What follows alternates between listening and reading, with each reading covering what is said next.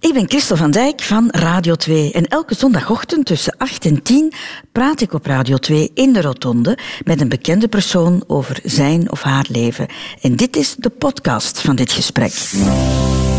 Radio 2, de grootste familie. Goedemorgen, we ontbijten vandaag in de Rotonde in Westende met sportjournalist en eh, televisiepersoonlijkheid Karel van Nieuwkerken. Een kind van de Westhoek, Karel, maar ook van de zee? Ja, toch wel. Ehm, als je van de Westhoek bent, dan heb je automatisch een connectie met de zee. En dan gingen wij als, eh, ja, als kind vaak naar de zee. Ik bedoel, in de zomervakanties dan eh, gingen we spelen op het strand. Of in de winter vooral ook, kwamen we met de ouders wandelen. En dan gingen we naar Oostende om uh, warme wuloksen te eten. En dat is een blijvende herinnering voor mij. En ik eet ze ook nog altijd heel graag. Ja, alles wat uit de zee komt, hè. zeevruchten. Ja, oh Is dat niet eh, jouw favoriete eten? Uh, Fruit de mer, ja. Welkom in de Rotonde, Karel. Radio 2. De Rotonde met Christel van Dijk. Doe wel en zie niet om. Karel van Nieuwkerken, dat is een bijzondere spreuk voor jou, hè? Ja, het is, een, eh, het, is, het is een spreuk die op zo'n tinnen schoteltje hing bij mijn oma thuis. Oma zeg ik nu, het is, het is super oma, want het was een geweldige vrouw. Ze is eh, 93 jaar geworden. En daar ging ik als kind heel vaak naartoe. En zij is zowat mijn muze geweest eh, in mijn leven. Ze stond zo rechtlijnig in het leven en ze had zoveel goede ideeën dat ik er heel erg naar opkeek. Ze is weduwe geworden toen ze een jaar of 46 was. Heeft nooit meer een, eh, een man gehad nadien. Eh, haar, haar man, eh, Roger van Nieuwkerken, mijn grootvader, die ik nooit heb gekend, is letterlijk doodgevallen voor haar neus. Ze hadden samen een zaak. Hij kwam het bureau binnen en zei ik voel mij niet zo goed en hij viel dood. En daar stond ze dan voor de rest van haar leven alleen met drie kinderen die op dat moment 8, 9 en, en 12 jaar waren. En een heel leven lang is ze, is ze heel rechtlijnig gebleven. Heeft ze die kinderen goed op het spoor gezet. En mijn bewondering voor haar is, is immens. En daar hing zo'n bordje, doe wel en zie niet om. En ik heb dat meegenomen. Ik heb dat gevraagd natuurlijk, als dat mocht. Meegenomen bij mij thuis, hangt het in mijn sportkast. En kan je die spreuk ook linken aan, aan jouw eigen leven? Eh, toch wel, toch wel. Ik, ik denk dat we, dat we niet te lang mogen stilstaan bij wat in het verleden is gebeurd. Ik bedoel, iedereen maakt fouten. En, en je moet proberen te leren uit die fouten. Maar heel vaak zijn fouten niet meer te herstellen, want anders zijn het geen fouten. Dus ik probeer, ik probeer echt vooruit te blikken. En, en de dingen die je in het verleden hebt meegemaakt en waar je fouten hebt gemaakt, om die gewoon achter je te laten. En je probeert altijd goed te doen.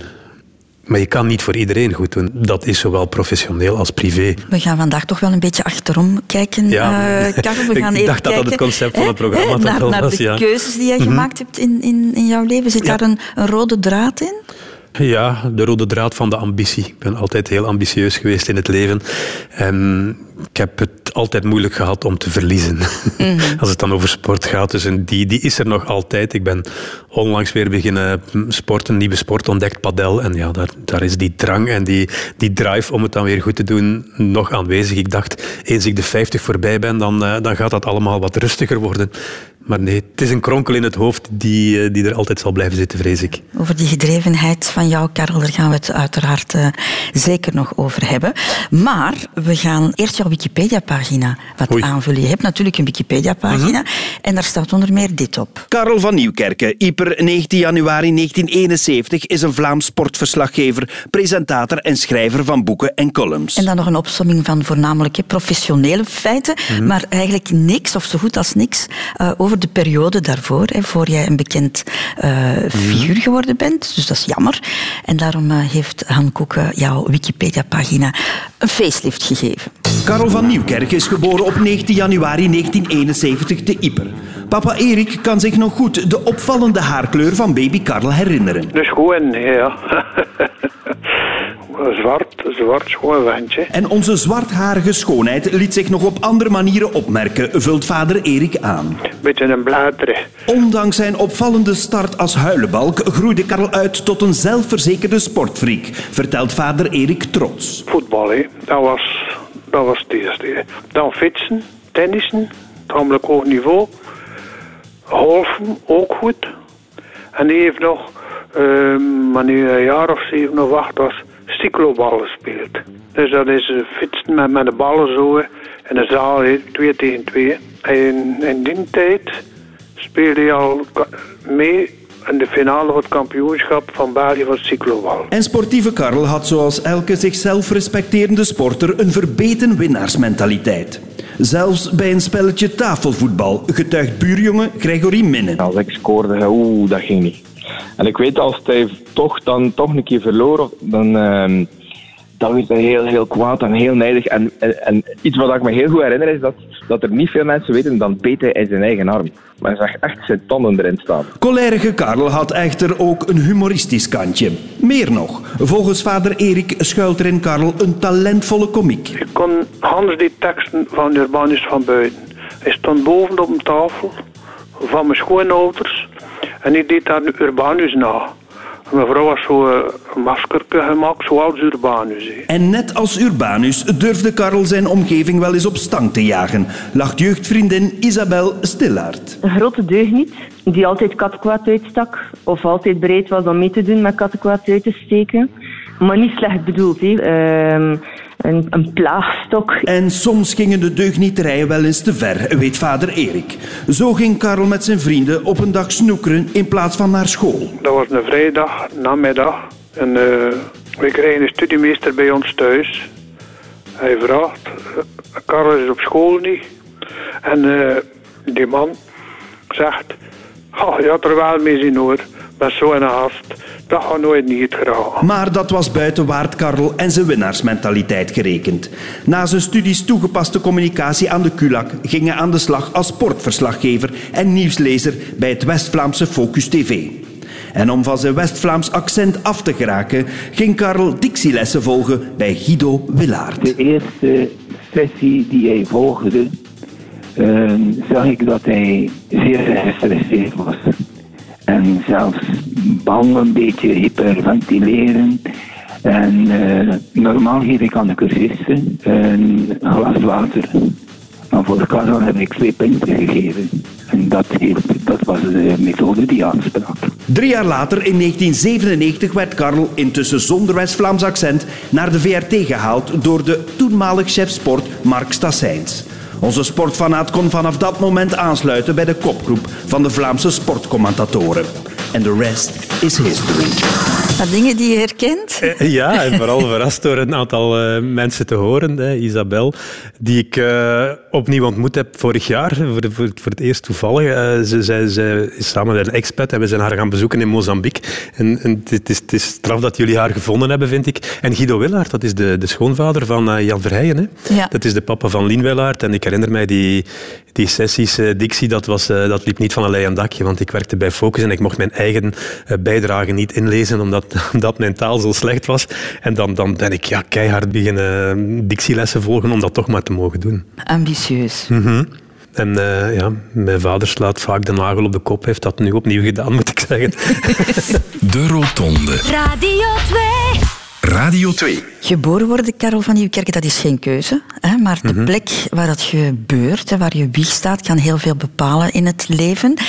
Je was enig kind, Karel. Papa ingenieur, jouw moeder stond in het onderwijs. Eh, tot zover de droge feiten.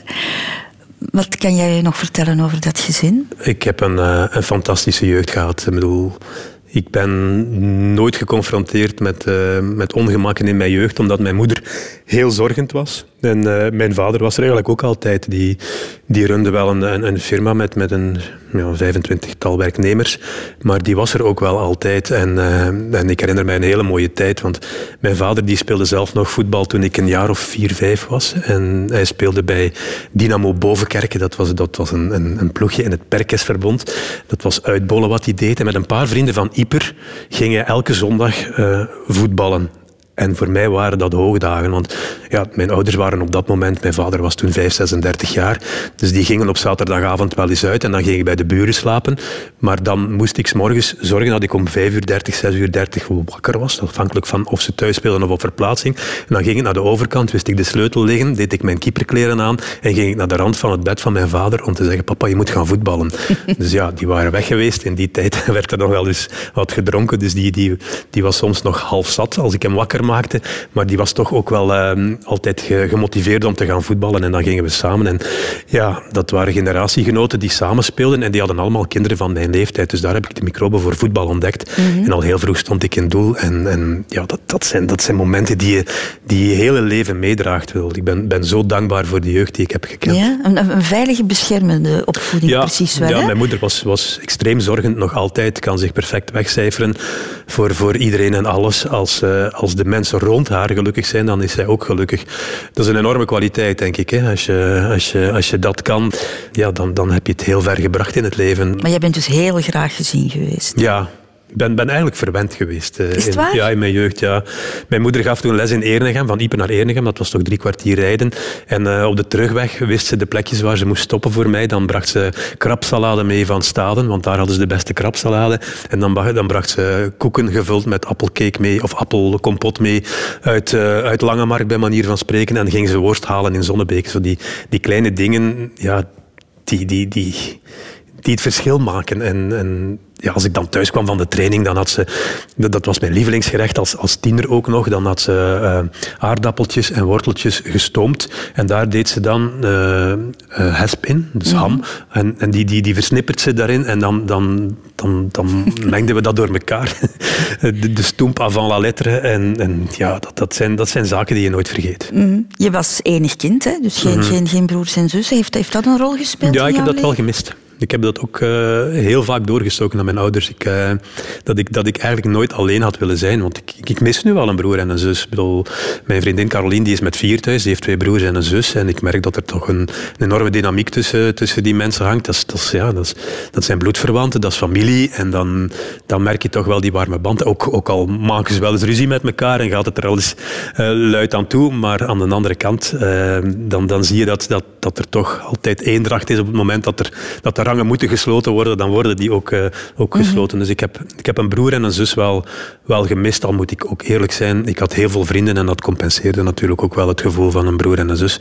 En ik heb in, denk 98 iemand leren kennen, Stefan Vermeers, die ja, zo goed als mijn broer is geworden. Hm, Wij hebben elke dag contact.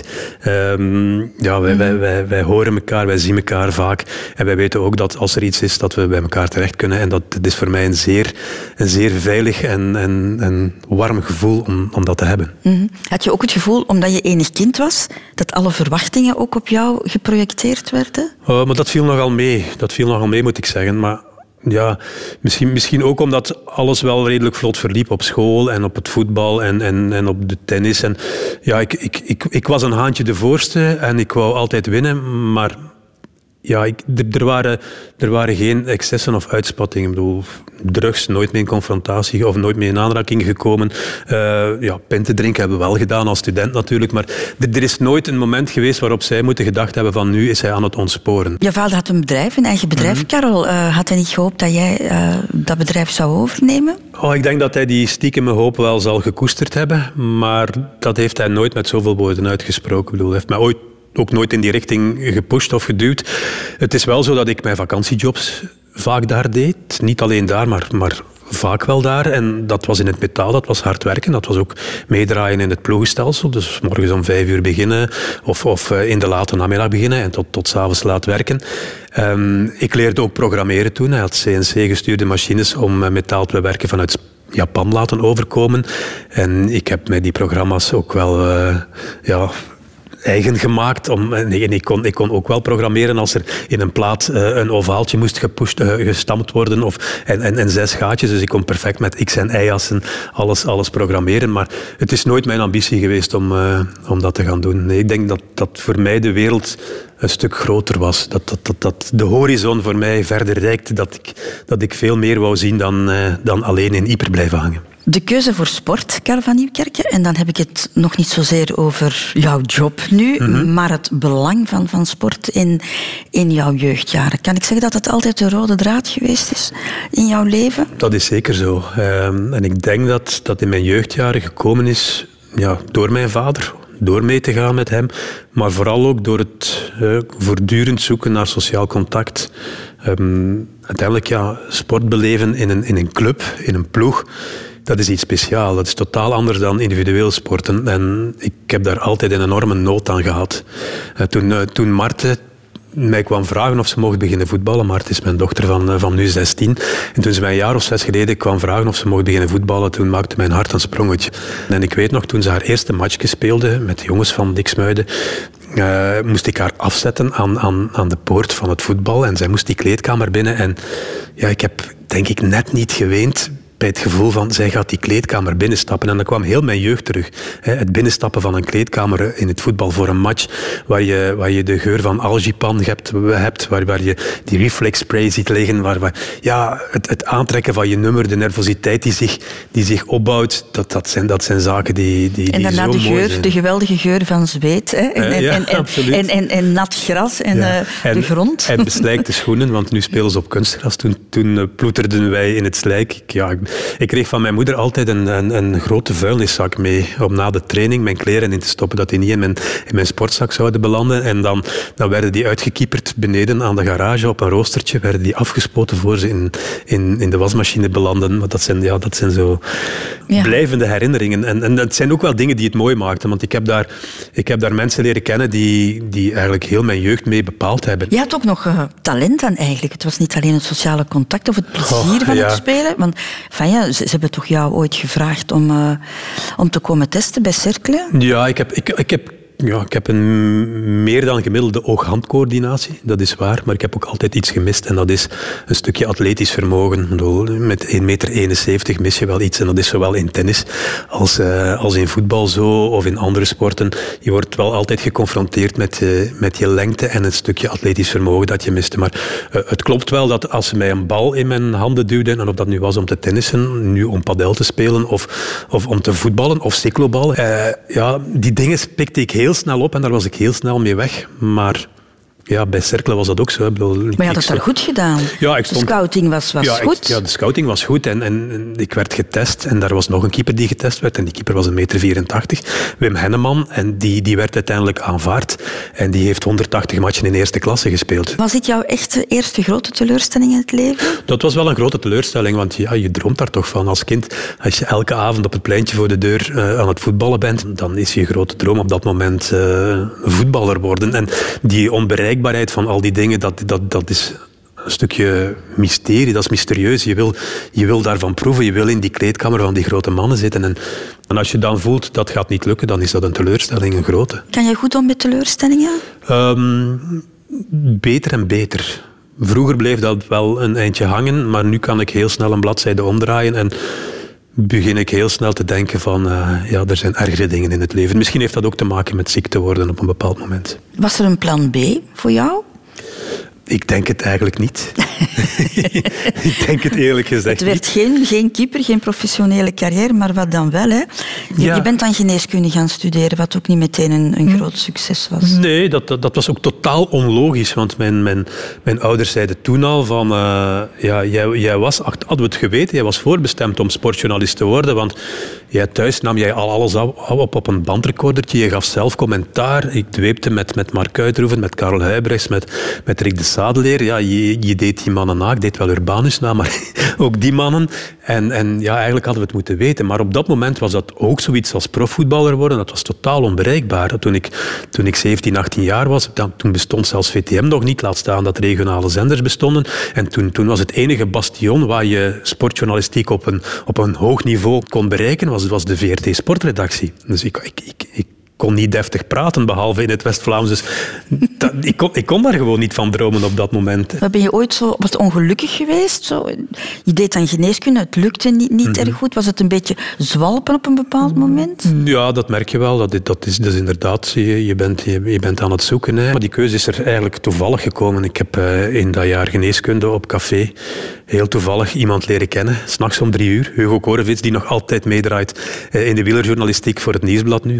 En uh, wij zaten op een bepaald moment aan de toog. Het moet rond half drie, drie uur s'nachts zijn geweest. En, en, we kenden elkaar niet. En, ja, we begonnen te praten over sport. En hij zei, gaan we eens een quizje doen. En we zijn beginnen quizzen. En uh, op een bepaald moment stelt hij mij de vraag van uh, wat weet je over uh, Club Brugge, Liverpool, Wembley in de jaren 70. en ik ben die 22 spelers beginnen opnoemen. Ik wist wie de scheidsrechter was. En hij zei, hoe komt dat? Je bent van 71, heb je net verteld. En, en je was toen maar 5, 6 jaar. Maar ik zeg, ja, ik heb dat achteraf allemaal opgezocht en schriftjes bijgehouden. sport is mijn leven. En hij heeft mij gevraagd om een artikel voor de mhm. krant te schrijven. En daar is ook de rest geschiedenis. Ja, door een stom toeval kan je dan bij de krant Het Volk eh, gaan Mhm. werken, dan bij de regionale televisie en dan kom jij op de VRT terecht, op eh, de sportredactie. Het is even een vogelvlucht van jouw Ja. carrière. Maar mocht je nou je, je leven op dat gebied professioneel hertekenen, zou je dan toch dat profcontract tekenen? Als je mij dat gevraagd, op het moment dat ik naar de VRT kon, in 1997, in 97, dan had ik gezegd, ja kom, ik, ik ga het nog altijd doen. Ik, ik, ik, ik word profvoetballer. Dat, dat is wat ik het liefste zou willen zijn. Maar vraag je het mij nu en, en bekijk je het parcours dat ik heb afgelegd, dan, dan zou het nu zeer pedant zijn om te zeggen, ik had toch liever profvoetballer geworden. Want alle cadeaus die ik gekregen heb in mijn, in mijn carrière, en dan, dan noem ik ze eh, cadeaus eh, vanuit de verrijking van mijn leven. Ik heb, ik heb de helft van de wereld gezien door, door, door, door mijn job. Ik heb, eh, ik heb mensen leren kennen door mijn job die, die, die nu echte vrienden geworden zijn. Ja, dat denk ik niet dat, ik, dat, ik, dat, dat mijn leven zo rijk zou geweest zijn mocht ik profvoetballer geweest zijn. Radio 2. Dit is Radio 2. De keuze, Karel van Nieuwkerken, om gedreven in het leven te staan. Hè? Zo mag ik jou toch, toch noemen. Hè? Is, is dat een keuze? Vraag ik me dan af.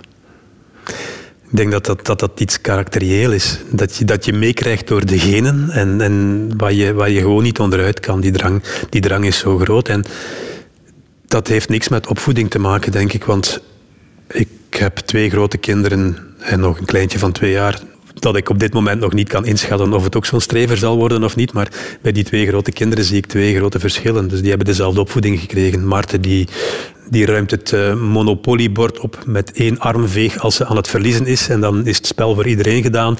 En Jeff die kan, eh, die kan dat perfect plaatsen als die aan het verliezen is. Dus ja, ik denk niet dat het een keuze is die, die je als kind zelf maakt. Ik denk dat het er gewoon in zit. En ja, dat achtervolgt je en dat, dat, dat, eh, dat zorgt er ook voor dat heel veel kinderen van jouw leeftijd je ook een, een dikke nek vinden op dat moment, denk ik.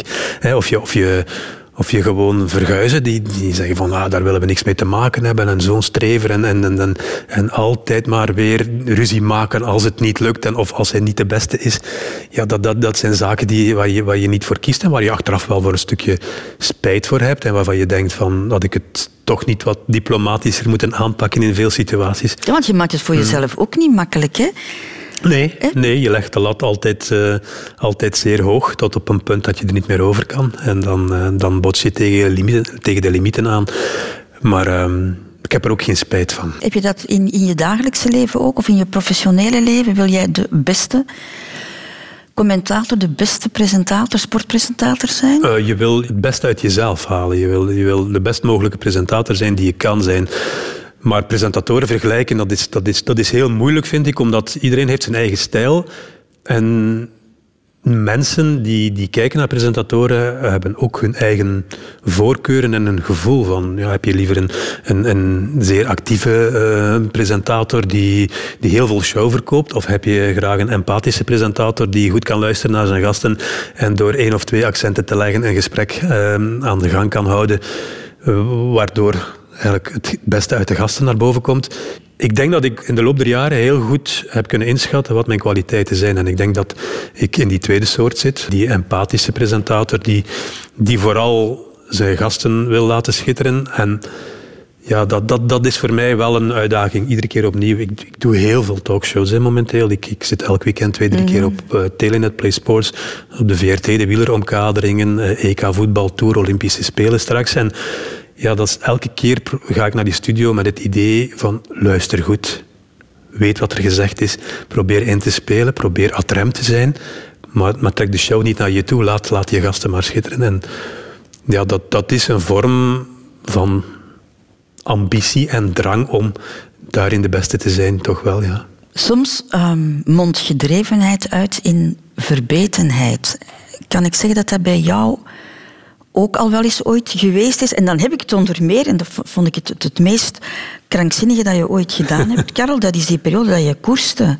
Ja, dat is wel waar. Uh, ook daar heb ik mezelf dan natuurlijk weer verloren in, in een situatie waarin, waar je, waarvan je weet van het is eigenlijk onmogelijk wat je wil proberen en toch ga je doen. En maar je begint er al even mm, als je dertig bent. Hè? Ja, ik, begin, ik had eigenlijk tot dan heel weinig gefietst. Fietsen is een duursport, dus ik had heel weinig ervaring met duursporten. En ik, ik stond op dat moment ook, ook veel te zwaar. En ik, ik begon met de fiets te rijden en, en van het een kwam het ander. En, en daar heb ik Stefan leren kennen, Stefan Vermeer, die ik nu als mijn broer beschouw. En, en ik ben met hem gaan fietsen. Dat was, dat, dat, dat was net geen professionele coureur. Die heeft 220 koersen gewonnen bij, bij de liefhebbers. En, maar door met hem te gaan rijden, kreeg ik ook de smaak te pakken. En dacht ik, oh, ik wil ook eens een koersje rijden. En ik wil vooral eens voelen wat het is om in een waaier te zitten en om een spurt te rijden. Dat gaat mij ook helpen in, in mijn job. En dan, ja, dan, dan ging het Fanatieke van het, ene, ja, van het ene extreme naar het andere. Dus op, op dat moment was ik, was ik de journalist die, die niet op zijn eten lette, niet op zijn, op zijn, op zijn drinken lette, die, die vooral met zijn job bezig was. En dan, dan, dan was het van het ene uiterste in het andere.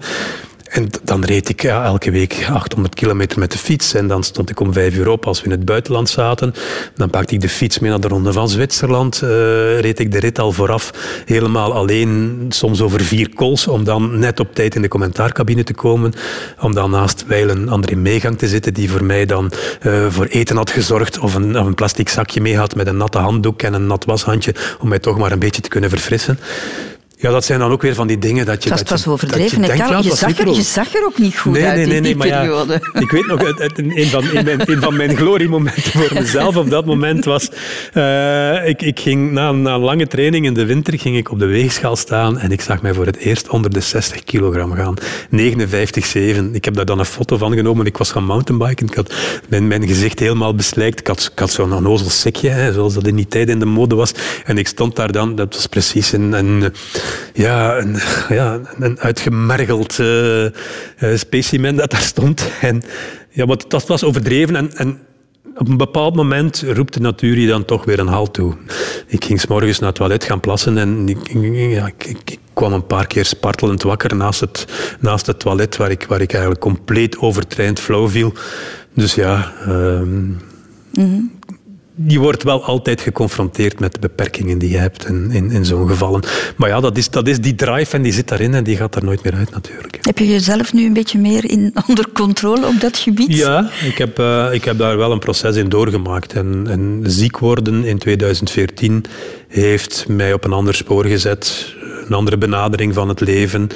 Uh, maar het is niet dat, dat ik bezadigd en verzadigd ben, integendeel er komen altijd weer nieuwe plannen op, eh, op borrelen en, en er moet altijd weer een uitdaging zijn. Ik, ik ben, uh, ben padel aan het spelen en ik droom van een eigen padelclub. Dat, is, ja, dat, is, dat, dat, dat, zit, dat, dat zit daarin en wie weet komt dat daar ook wel van de, een businessplan de jaren. Ja, absoluut. dat businessplan zit al, uh, zit al klaar. Radio 2. De Rotonde. Een mens kiest er niet voor om, om kanker te krijgen, maar je kan wel bepalen hoe je daarmee omgaat en wat voor plaats die ziekte in, in, in jouw leven zal krijgen. Hè?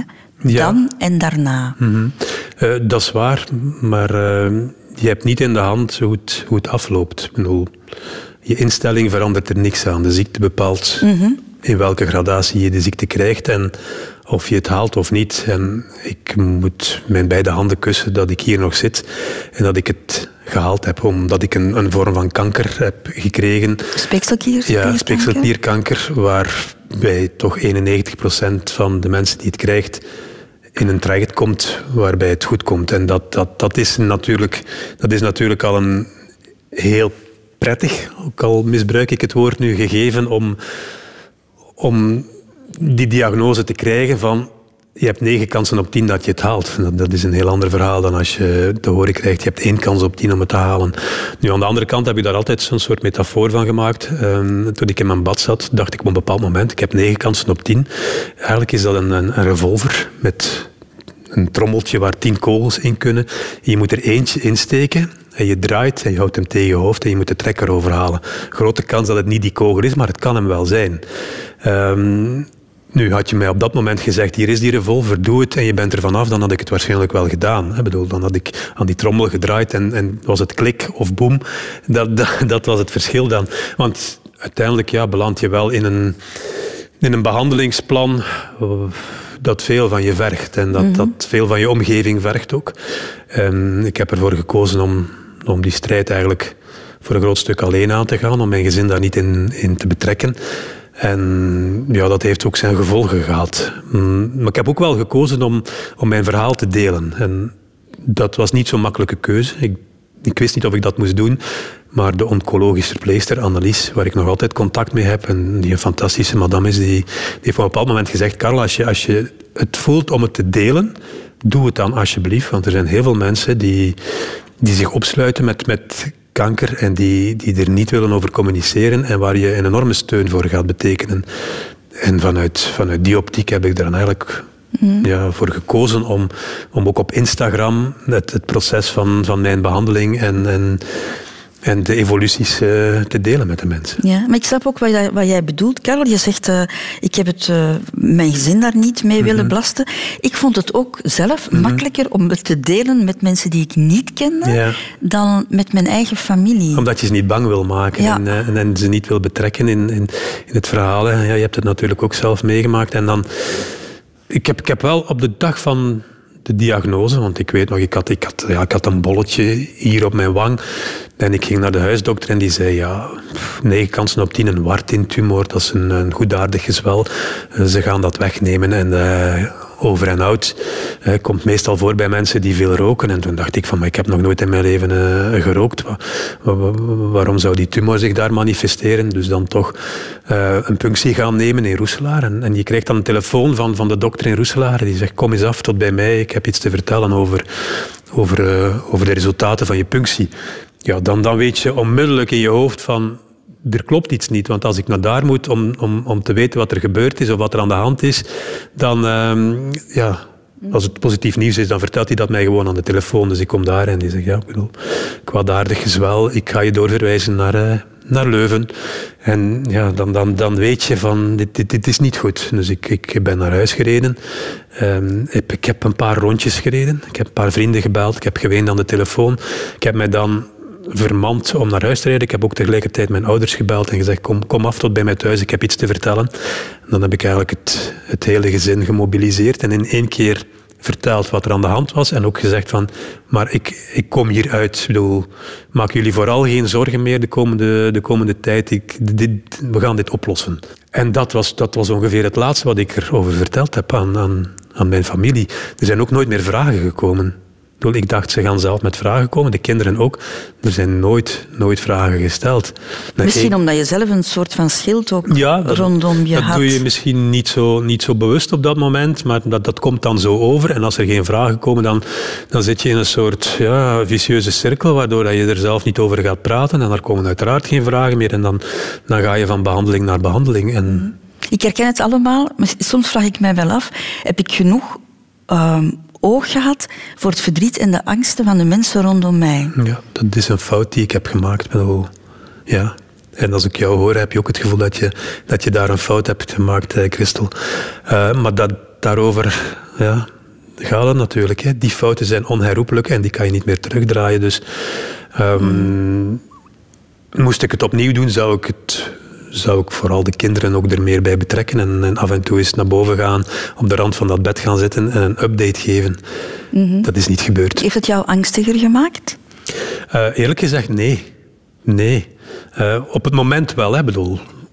Op het moment dat je in die behandeling zit, weet je, dit kan fout aflopen en dan, dan, dan sta je wel stil bij, bij andere dingen, maar word je ook tegelijkertijd heel pragmatisch.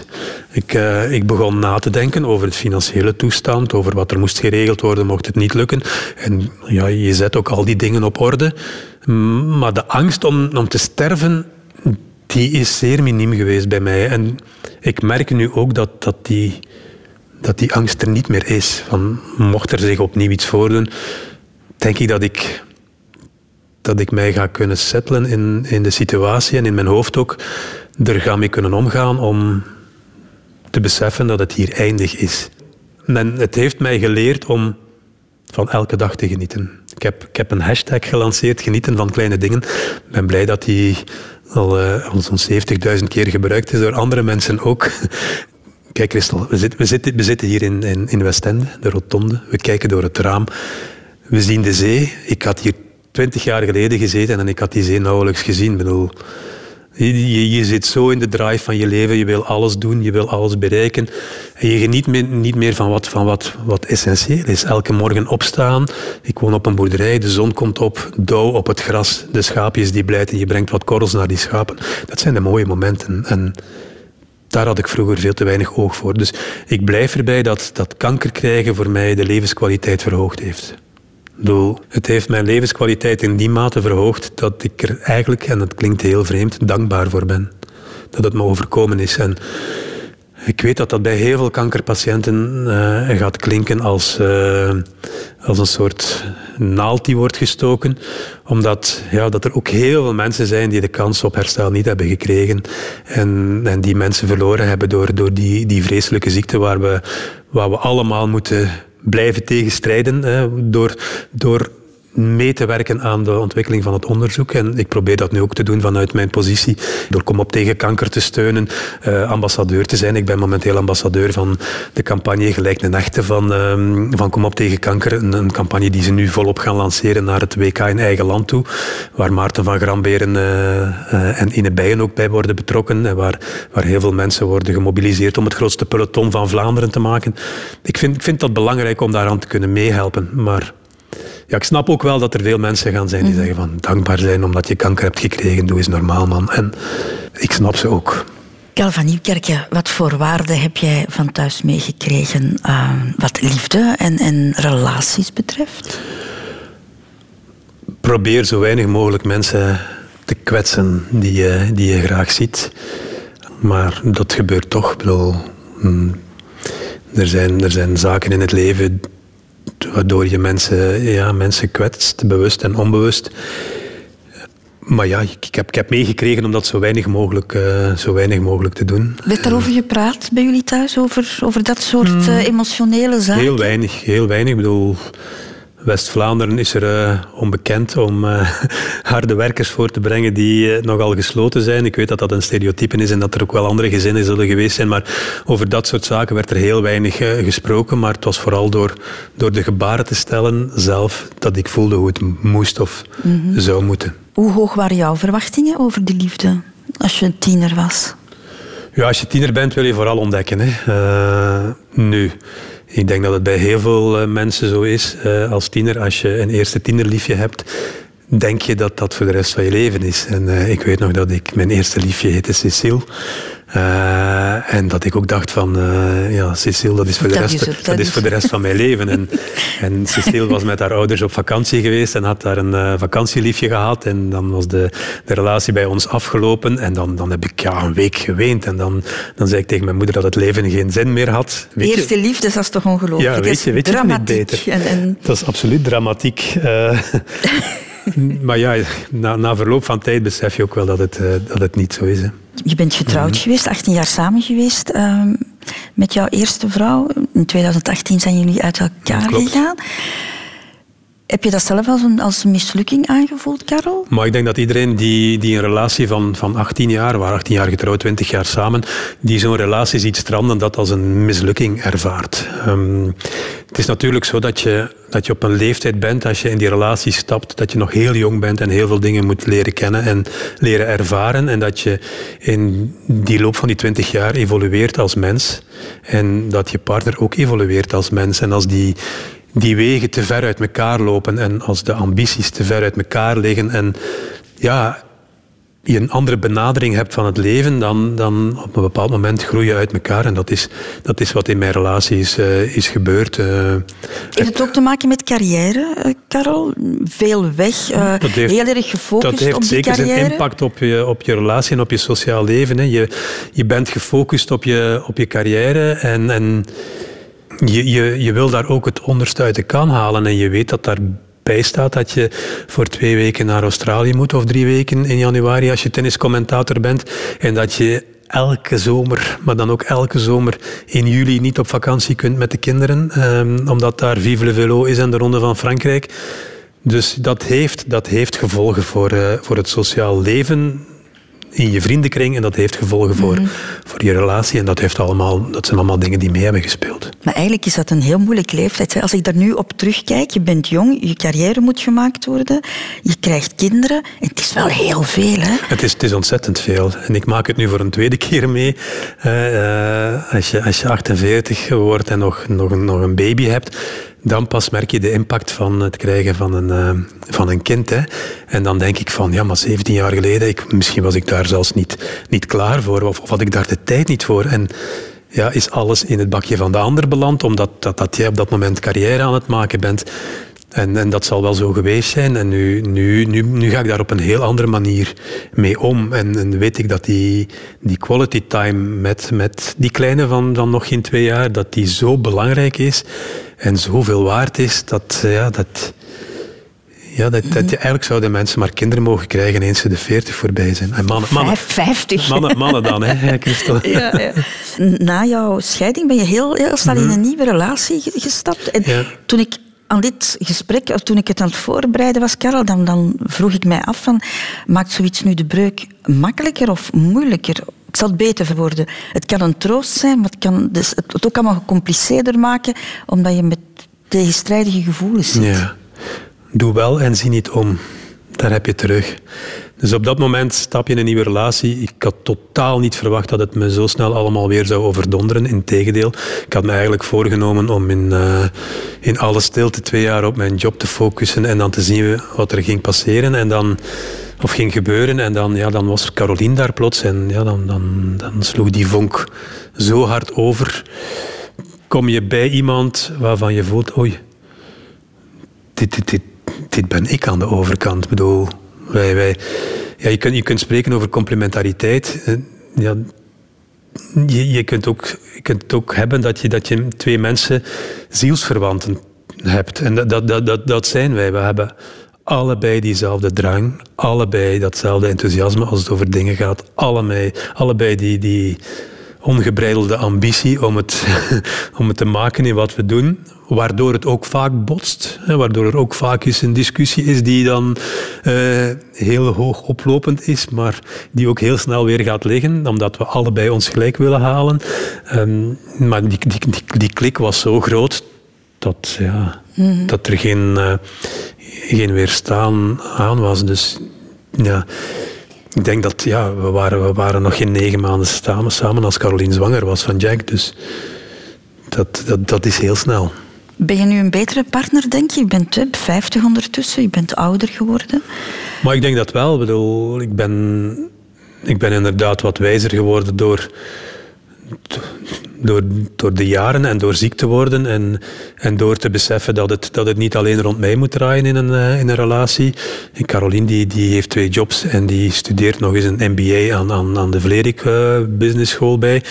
Ja, dan komt er ook heel wat in mijn mandje terecht, maar ik doe dat met heel veel plezier en, en met heel veel liefde. En, en daar komt af en toe nu wel het kantje van mijn moeder boven. Ik kan, ik kan gelukkig zijn van de anderen gelukkig te zien. En vroeger was je heel vaak gefocust op, op jezelf, omdat je, omdat je nog volop in dat proces zat van carrière maken. Ik ga niet zeggen dat ik nu het gevoel heb, want dat zou, dat zou heel pedant zijn, dat ik het gemaakt heb. Maar ik heb toch wel een, eh, een, een carrière waar, waar, ja, waar, veel, waar veel jongeren voor zouden willen tekenen. En ik, blijf, ik blijf gedreven, maar ik kan het ook wel plaatsen. En je ontdekt nu een, toch een zorgende kant ook aan Ja. jezelf.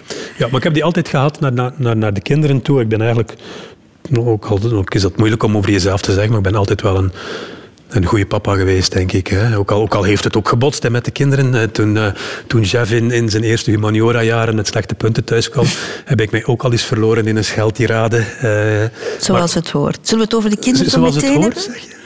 Ja, zo, zo allee, goed. Dat zal Jeff niet graag horen, maar ik wil straks wel over de kinderen praten. Radio 2. De grootste familie. Dit is Radio 2. Nog een belangrijke beslissing die je genomen hebt in het leven, Karel van Nieuwkerk, dat is de keuze voor kinderen.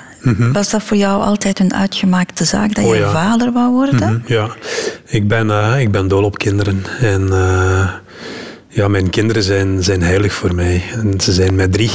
En als ik nu ook de chemie zie tussen de kinderen, dan, eh, dan, dan vind ik dat fantastisch. Ook al ja, zit er veertien jaar verschil tussen, tussen de, ja, de, de tweede en de derde. Maar toch, toch ja, dat, dat maakt me heel blij. Je bent dus nog eh, ja, een tijdje geleden hè, eh, papa geworden van eh, Jacques Odile, noemen jullie hem zo? Mhm. Ja, Eh, maar wij zeggen Jack, maar hij zegt Odile. Ah ja. Ja. Odile moe, Odile beetje water, maar wij zeggen Jack. Dus, ja. Dat is het, eh, het zoontje met je nieuwe partner. Ehm, ze is een stuk jonger dan jij. Ze had nog, Ja. nog geen kinderen. Is dat voor jou nooit een obstakel geweest? Nee, toen, toen, toen wij beginnen daten zijn, heb ik eigenlijk al heel snel een berichtje gestuurd. Mocht je wakker liggen van het feit of ik nog kinderen wil, voor mij is dat zelfs geen vraag. Bedoel, eh, als jij kinderen wil, dan gaan we voor kinderen. En ja, ik, ik zat daar niks mee in, helemaal niet. Integendeel, ik keek daar naar uit. En ik, ik vind Jack O'Dill ook een, een ongelooflijke verrijking nu naast die grote twee om, om daarmee bezig te zijn. Wat ik wel onderschat had, is dat eens je die 50 nadert, dat het toch vermoeiend is om, eh, om veel uit je bed te moeten. Het eerste jaar was, was, eh, was want hij sliep niet goed, om de drie uur, vier uur wakker. Dus het heeft bijna z- 16 maanden geduurd voor hij doorsliep.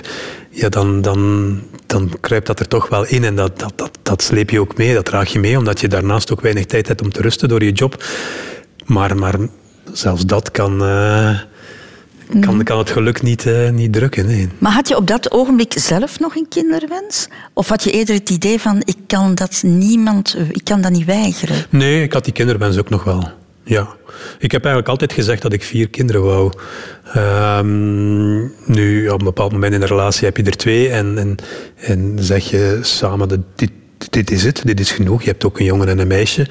Eh, en en dan, dan, dan heb je die koningswens. Ehm ik kan mij ook voorstellen, een gezin met vier kinderen die er elke dag zijn, tussen de leeftijd van pakweg vier tot elf jaar, dat dat een immense opdracht is om alles in goede banen te leiden. Eh, een enorme organisatie, als je naar de zee wil met z'n allen en niemand mag iets vergeten hebben of je gaat op vakantie. Ehm, nu, nu hebben we natuurlijk ook nog twee, twee grote zorgen. De kinderen, hè. die kunnen ook wel eens, als wij nog een meeting hebben s'avonds, een paar uur op die kleine passen of eens babysitten. Dat, eh, dat, is een, dat is een luxe.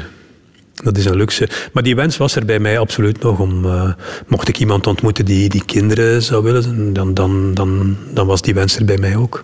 Heb je ooit schrik gehad dat ja, een nieuw kind, een baby, het evenwicht in jouw gezin zou, zou verstoren? De, in de relatie naar, naar jouw eigen kinderen Je toe? hebt dat, je hebt dat altijd. Hè. Een nieuw samengesteld gezin, daar bestaat geen ideaal plaatje voor. Hè. En er zijn, er, zijn, er zijn gebruiken die je meepakt uit een, uit een vorig leven. Hè. Zowel kinderen als de volwassenen. eh, in beide richtingen. Hè. Caroline die was... Die moest aan niemand verantwoording afleggen. Die was helemaal alleen, die deed wat ze wilde. Wilde ze drie uur in de zetel hangen, dan ging ze drie uur in de zetel. Wilde ze nog iets gaan drinken s'avonds, dan ging ze iets drinken. Wij hadden gebruiken uit ons, uit ons eh, verleden mee. Dus eh, ja, die moeten dan allemaal weer samenklikken. En soms, soms eh, leidt dat tot spanning en dat is onvermijdelijk. Want het is alleen hoe ga je er dan mee om en hoe probeer je de oplossingen te vinden. En ik denk dat dat ons op dit moment wonderwel lukt. En ja, dan heb je alweer een perspectief. Die grote kinderen, ja, Jeff is laatste jaar humaniora, die gaat volgend jaar op kot. Dus die, die zie je dan nog heel weinig. Dat is dan één keer om de twee weken een weekend. Eh, Maarten nog twee jaar, die gaat dan ook op kot. Ja, dan ontstaat er weer een hele nieuwe, nieuwe dynamiek, want die grote kinderen zijn dan nauwelijks nog thuis. Dan is die kleine alleen achter. Blijft die dan alleen achter? Komt er nog een tweede bij? Dat zijn allemaal vragen die, die nog een oplossing moeten Het is vinden. nog niet helemaal een afgesloten Het, nee, het verhaal is nog niet helemaal geschreven. Nee. Nu, de dynamiek ehm, verandert elke week ook natuurlijk. Hè? Want eh, Ja, dat is ook wel wat, wat zoeken en, en, en, en schipperen. Hè? Dat is inderdaad een, eh, een zoektocht en dat is... eh, dat hakt er toch wel in bij mij. Eh, het- gisteren was het moment om ze weer los te laten en af te zetten bij, bij hun mama. En ja, op het moment dat die valiezen voor de deur staan en dat zij aankomen, want wij wonen niet zo ver van elkaar, dus zij komen met de fiets en... en ja, dan nog die knuffel en weer vertrekken, dat, dat hakt er toch wel iedere keer in. Ik heb ze graag rond me, ook al zie ik ze soms niet. Het zijn pubers, hè. Die, die zitten op hun kamer, die komen naar beneden om te eten en, en, en, en weer naar boven. Maar die aanwezigheid is er. Die hè? aanwezigheid, je weet dat ze er zijn en je ziet chef naar beneden komen en naar de fitnessruimte verdwijnen en die komt wel meer naar beneden om te praten nu met, met, eh, met mij en met Caroline en met Jack te spelen dan, dan Maarten. Zij zit nu in die iets moeilijkere periode waarbij alles gefocust is op zichzelf en op de, op de vriendinnen en, en het eigen wereldje, het- de, de kleine microcosmos die ze zich eigen maken en wat ze ook moeten doen. Maar... ehm, ja, het loslaten iedere keer opnieuw is voor mij toch wel een moeilijk moment. Ik, heb dan, eh, ik heb dan toch wel een uurtje nodig om eh, tot mezelf te komen. Ben je een rustiger vader geworden ook?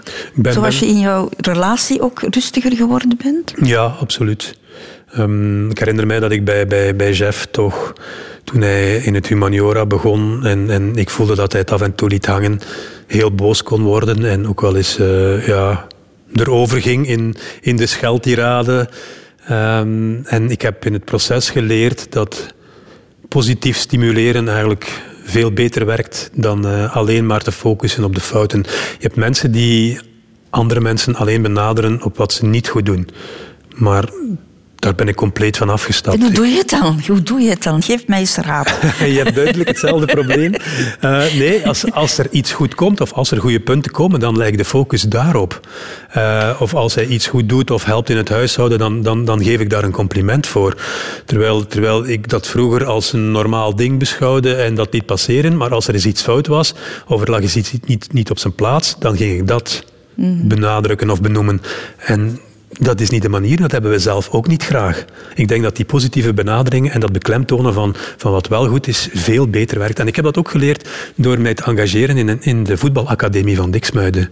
Dus ik heb een aantal cursussen gevolgd, ook trainerscursus. Ik ben een trainer B en ik heb, ik heb die allemaal gevolgd omdat ik daar een voetbalacademie had opgericht en ik de trainers ook wel wilde kunnen sturen. En ook daar heb ik gemerkt, door training te geven, dan waren dat dan kinderen van 9 jaar, 10 jaar of van 16 jaar, het positieve benadrukken geeft ze vleugels en daardoor gaan ze, gaan ze zich nog meer inzetten dan, dan als je ze altijd afbreekt en, en, en negatief benadert.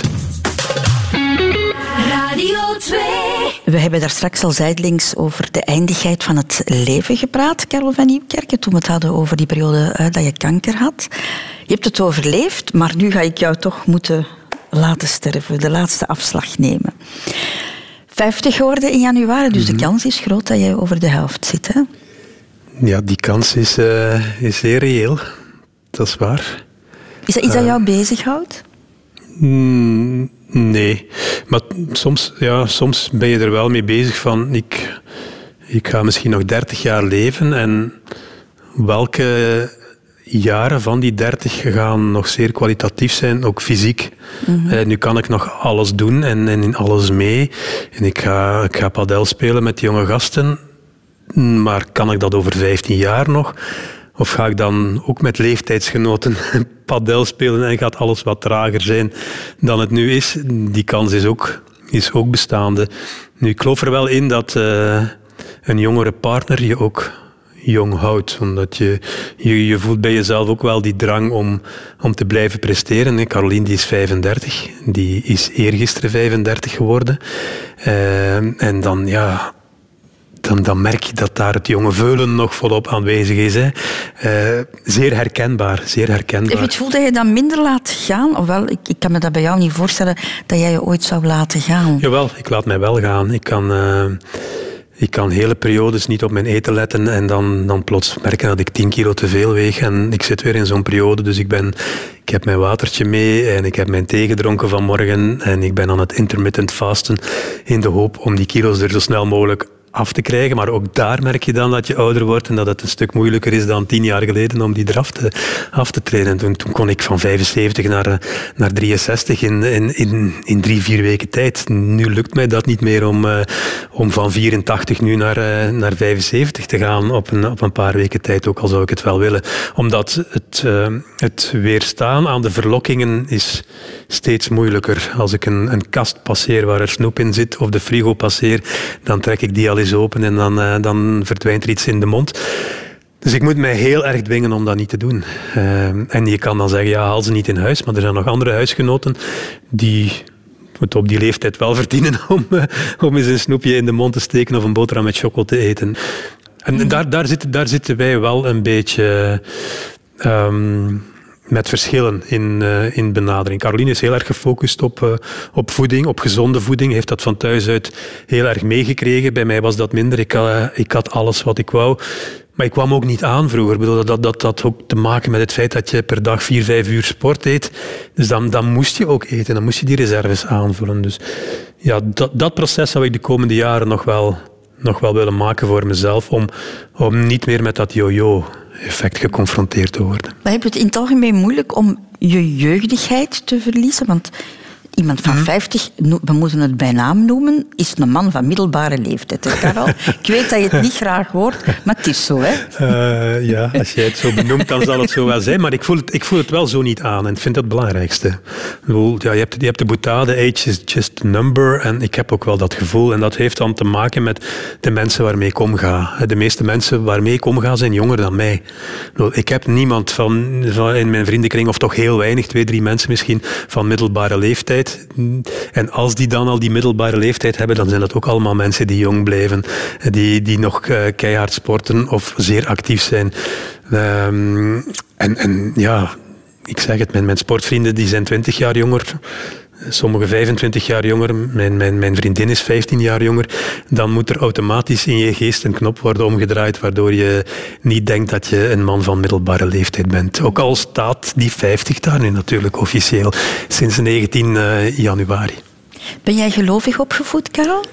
Ehm, ja en nee. Ik bedoel, geloof is, is niet bepalend in mijn leven. Ik, ik geloof op dit moment ook, ook niet in een hoger wezen of zo. Dus je denkt van eh, dit, dit is het, dit, dit Ja. ene leven en daar Ja. gaan we het mee moeten doen. Straks is het gedaan. En dan En kan je dat makkelijk aanvaarden? toch wel. Ik hoop dat het nog wel een hele tijd duurt. Ik gok zo op iets van 788. en, en goed actief te zijn tot het laatste moment. En vooral helder in, in het hoofd. Dat lijkt mij heel belangrijk. Als, eh, als het hoofd helder blijft, dan, eh, dan mag je 140 worden, bij manier van spreken. Nu, ik heb wel wat antecedenten van, ehm, van oudere leeftijd. Mijn, mijn superoma is 93 geworden. Mijn overgrootvader is 98 geworden. Of 97. Nu, mijn, mijn grootvader is dan weer vroeg gestorven.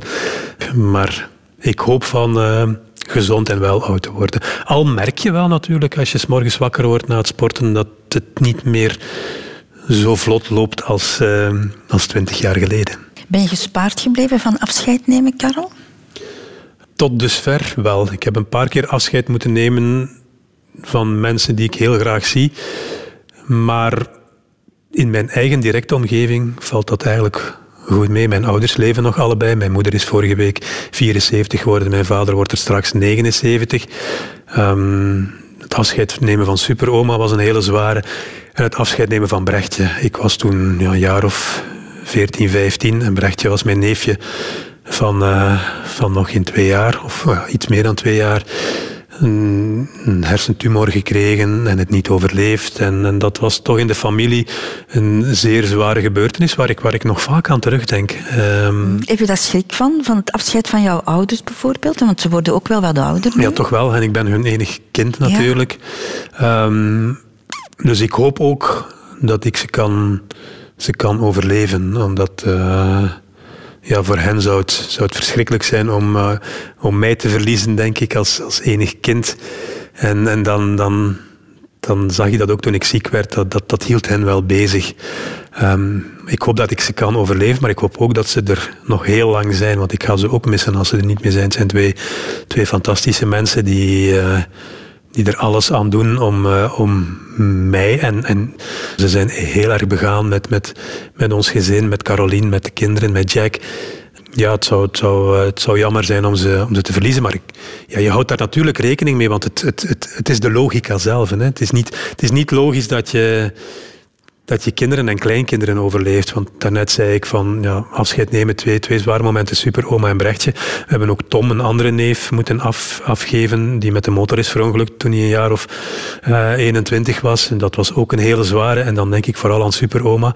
En zij heeft eh, haar kleinzoon moeten afstaan. Ze heeft haar zoon, hm, de broer van mijn vader, moeten afstaan door kanker. Ja, dat, zijn, dat zijn momenten die er als ouder verschrikkelijk inhakken. Het zou, ik zou het vreselijk vinden om het in mijn leven te moeten meemaken dat een van mijn kinderen sterft. Hè, maar er zijn zoveel mensen die dat meemaken. En het zij door een ongeval, het zij door ziekte. Daar sta ik wel vaak bij stil als ik nadenk over het leven. Van, oh, laat die goed op hun poten belanden, laat die gelukkig zijn, laat ze, laat ze gezond blijven. Dat, dat is voor mij essentieel. Ja, dat is denk ik het doel van iedere ouder. Hè? En het, een, een levensdoel ook. Hè? De kinderen ah, mooi groot laten worden. Hè? Ja, met de nodige discussies, hè, Christel. en veel vloeken. Zullen we ook eens een blik op de toekomst werpen, Mhm. Karel van Nieuwkerken, om te eindigen? Is er nog iets wat in jouw levensplan zit? Dat lijkt u heel gewichtig, hè? Eh, ja, ik bedoel, als mannen van middelbare leeftijd eh, vooral aan hun pensioen moeten denken, dan moet ik me nog weinig plannen maken. Maar ja, ik, eh, natuurlijk heb ik nog wel een aantal dromen en ideeën die ik graag zou uitwerken in de toekomst. Maar, ik, maar ik, ik, ik bulk eigenlijk van ideeën. Ik heb elke week vier ideeën die ik met heel veel enthousiasme wil uitwerken, waarvan er dan hooguit eentje, maximum eentje overblijft. Dus ehm, ik laat het vooral op me afkomen. Ik zit, ik zit in mijn comfortzone eh, bij wat ik nu doe. En dat is vooral het presenteren van programma's, het eh, leiden van panels in programma's. En ik doe dat heel graag en ik hoop ook dat ik dat kan blijven doen tot ik met pensioen moet, mag. Ja. Wie zal het zeggen? Maar comfortzone klinkt een beetje Ja. negatief, want je bent zeker nog geen uitgeblust man, hè, Nee. Karel. Je Zo- moet daar af en toe eens uittreden. Dus ehm, als er de komende jaren mm, iets mijn pad kruist waarvan ik zeg van ik smijt me, dan ga ik het zeker niet laten. Ja, wel, zo heb ik jou leren kennen deze ochtend als een eh, zeer gedreven man. Die ondertussen toch wel al wat meer rust gevonden heeft in zijn leven. Gelukkig maar. Hoewel, hoewel, Karel. Gisteren was het toch weer te heftig met padellen, hè? Ja, ik heb, een, ik heb een bal in mijn oog gekregen. Eh, en mijn oog doet een beetje pijn, maar het was vooral mijn eigen schuld. Bij padel kan je slaan met, met het raam. En ik heb een eh, bal van te dicht tegen het raam keihard willen naar de overkant krijgen. Voilà. En die zat in mijn eigen oog. Het blijft er toch in zitten. Verraden door het eigen toch- enthousiasme. Dankjewel. Ik vond het heel, heel erg fijn om jou aan mijn Mhm. Ook. ontbijttafel te hebben. En dan is er nog één ding dat ik jou zou eh, willen vragen om te doen, vooraleer je terug naar Diksmuiden mag. En dat is mijn gastenboek invullen. Ja, dat ga ik met heel veel plezier doen.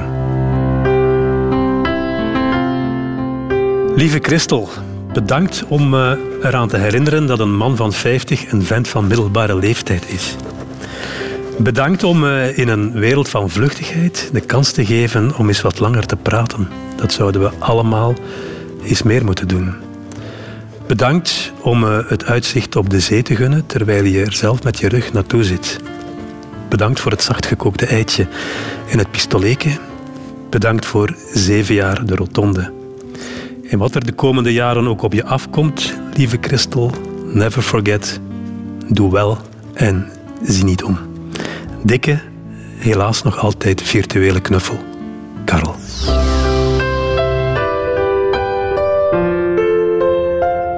Radio 2. Heb je genoten van dit gesprek? Wel, beluister dan zeker ook de andere afleveringen van de Rotonde. En nog meer podcasts van Radio 2? Ook de rechtvaardige rechters vind je in je podcast-app.